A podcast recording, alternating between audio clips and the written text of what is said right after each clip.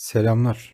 Podcast'in başlığını belirleyen kitap okuma meselesi benim yıllardır bu alışkanlığın bulunduğu konum itibariyle kafamı meşgul eden bir konu. Çocukluk yıllarımdan bu yana okuma alışkanlığımın olması nedeniyle edebiyata ve dolayısıyla bu alışkanlığa bakış açım olsa olsa gündelik ya da yerine getirilmesi gereken bir ihtiyaç konumundaydı hep. Elbette bu alışkanlığın uyuşturucu yanı da var. Tıpkı gündelik olarak almamız gereken bir doz ilaç gibi. Fakat yıllar içinde bir ritüel haline gelen okuma yazma alışkanlığım farkına geç vardığım bir körlük yaratmış bende. İşin romantik yanından ziyade daha gerçekçi bulduğum bu körlük insanlarla arama tuhaf ve anlaşılmaz bir duvar örmüş. Aslında hep var olduğunu bildiğim bu duvar kafamın içinde gizli bir köşede duran ve varlığını hep inkar ettiğim bir gerçek gibi duruyor şimdi karşımda. Bu gerçek beni insanların saçma dünyasından koparıp edebi koridorlarda savunmasız bırakmış aslında.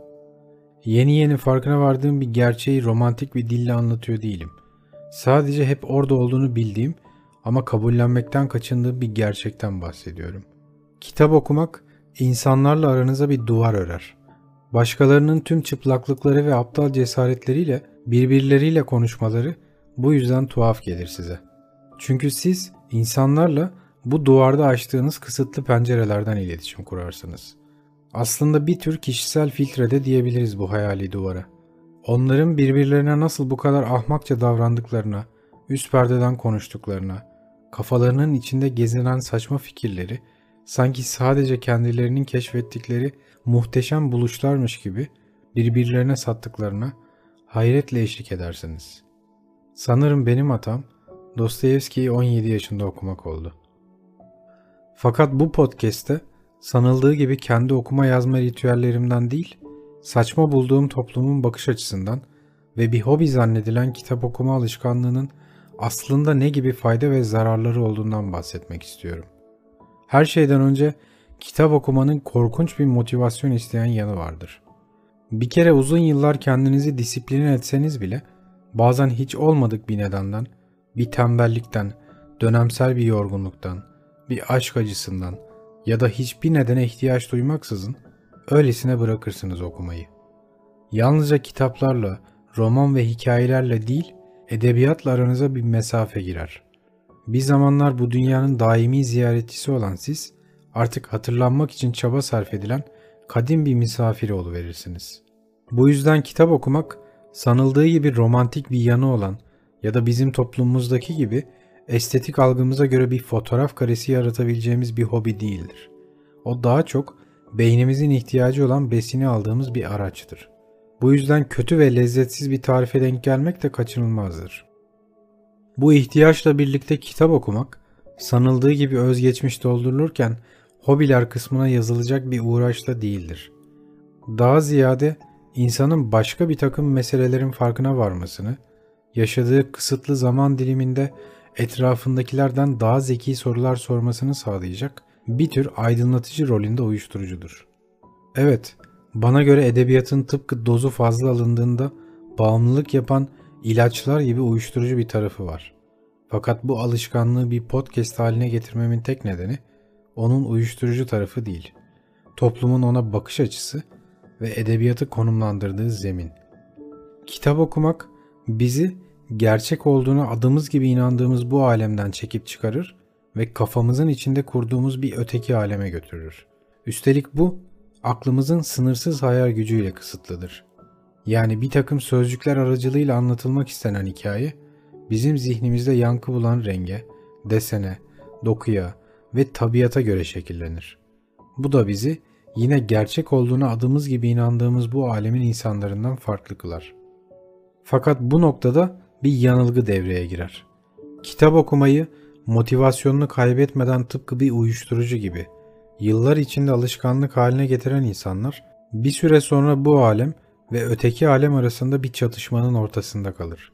Çünkü kafamızın içinde kurduğumuz bu öteki edebi alemin tüm kuralları, etik değerleri, erdemleri ve eşyaları bizim onlara verdiğimiz şekil ve sınırlarla belirlenir. Fakat içinde bulunduğumuz alem sınırsız bir zenginliğin ve kötülüğün üzerine inşa edildiği için kafamızın içindeki erdemli hayaller bu alemin çıkarcı yanıyla çatışır. Bu da bizi insanların gözünde öteki konumuna getirir. Bu yüzden bizimki gibi ahmak toplumlarda kitap okumak bıyık altından gülünen bir alışkanlıktır. Oysa kitap okumak sanılanın aksine insanların sadece topluma olan tahammül eksikliğinden değil, bireysel olarak kendilerini donatmak istemelerinden kaynaklıdır. Belki de o yazarın kitaplarını okumayı seviyordur. Hatta o yazarla arasında gizli bir bağ olduğuna inanıyordur. Ya da belki de sadece kitap okumayı seviyordur. Bunu bir tür hobi olarak değerlendirmeden, bunun bir alışkanlık değil, bir ihtiyaç olduğunu bilerek sadece kitap okuyordur. Fakat bir ihtiyaç konumuna getirdiğimiz kitap okuma alışkanlığımızın bahsettiğim gibi iyi ve kötü yanları vardır. İyi yanlarından bahsedecek olursam. Kitap okumak yalın kat bir gerçeklikle örülü düşler aleminin kapısını aralar size. Bu alemin bu kadar saydam ve şeffaf bir gerçeğe dayalı olmasının ilk nedeni onu sizin inşa etmenizdir. Dolayısıyla insan işi bir yapıya sahip olan her alemde olduğu gibi bu alemde de kusur yapının kendisinde gizlidir. Bir diğer nedeni ise sizden başka kimsenin, hiçbir şeyin bu alemin koridorlarında gezinemeyecek olması. Tek bir kapı ve tek bir sahip. Dolayısıyla kitap okumak size kendinizi bu ilk nedenden dolayı özel hissettirir. Yalnızca size ait olan bu düşler aleminde eşyaya hükmedebilir, kendi isteğinize göre yapılar kurabilir, hayal de olsa düşlediğiniz kahramanlara kendi istek ve zevklerinize göre şekiller verebilirsiniz. Bu sihirli yanıyla birlikte kitap okumak, sizi gerçek olduğuna inandığımız bu alemin gerçekleri konusunda daha aydınlık bir noktaya taşır. Artık hayata başka pencerelerden bakar, farklı sorular sorar, kimsenin pek umursamadığı şeyleri merak etmeye başlarsınız. Aslında bu aynı zamanda kötü diyebileceğimiz yan etkilerinden biri de olabilir.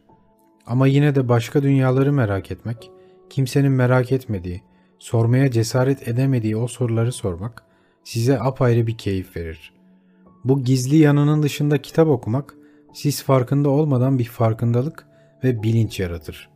Karşınızdakinden bir şey isterken takındığınız tavrı, sevgilinize aldığınız hediyeyi tasarlarken gösterdiğiniz ince düşünceyi, biriyle tartışırken cümlelerinizi nasıl da incelikle tarttığınızı fark edersiniz.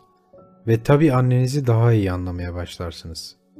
Bunun gibi tatlılıkla anlatılacak iyimser yönler, hayatla aranızdaki tatsız kavgalarda sizi güçlü kılar. Bu sayede kitap okumaya daha çok, topluma daha az mesai harcarsınız. Ama bu iyi yönlerinin dışında benim daha gerçekçi bulduğum ve yaşım ilerledikçe daha çok inandığım kötü yanlarına gelecek olursam. Her şeyden evvel kitap okumak bir şeyleri anlamanıza neden olur. Ve bir şeyleri anlamak çoğu zaman kötüdür. Zamanla meseleye uyanmaya başlarsınız.